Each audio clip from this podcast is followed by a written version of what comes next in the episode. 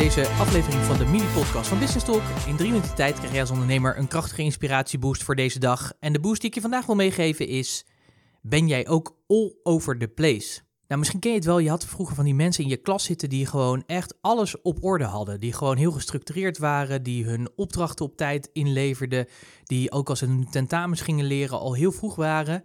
En ja, dat heb je soms. Je hebt mensen die dat heel erg hebben. Misschien ben je zelf wel iemand die zo heel goed dat kan organiseren en dat van tevoren al doet, zodat hij altijd op tijd netjes klaar is en dat soort dingen. En je hebt natuurlijk ook mensen die heel chaotisch zijn, die ja, echt all over the place zijn, die gewoon met alles en niets bezig zijn, snel afgeleid en noem maar op. Nou, is natuurlijk helemaal geen goed of fout. Zo werkt het natuurlijk. Ik werd een beetje geïnspireerd omdat uh, tegenover het huis waar ik nu woon, daar staat een kerk en ze zijn bezig om het dak daarvan te vernieuwen. En wat me heel erg opvalt is dat de timmerlieden die daarmee bezig zijn, op een hele gestructureerde uh, wijze werken. En dat moet natuurlijk ook wel, want ze willen natuurlijk zo efficiënt mogelijk werken. Kijk, als die all over the place zijn, dat kan niet.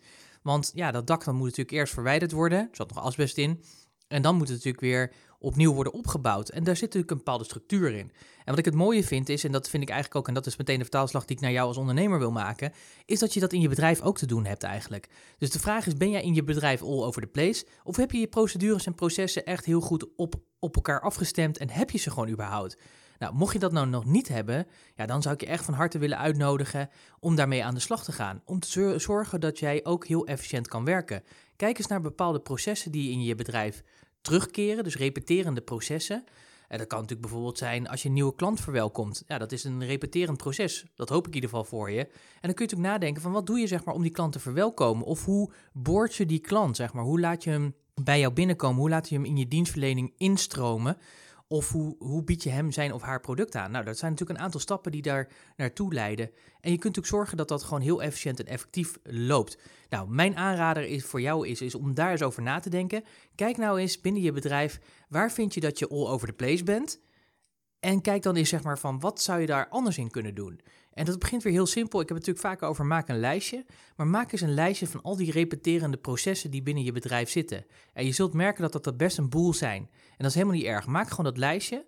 En wat je dan kan doen, is dat je bij wijze van spreken, ik heb met mezelf afgesproken dat ik wekelijks gewoon één procedure oppak. Nou, bijvoorbeeld vandaag ben ik bezig geweest om bijvoorbeeld als een klant bij ons klant wordt, dan krijgt hij een vragenlijst. Hoe gaan we om met die vragenlijst? Een heel klein stukje van een grotere procedure, maar die komt beter. Nou, die heb ik geoptimaliseerd en verbeterd. Zo simpel kan het zijn.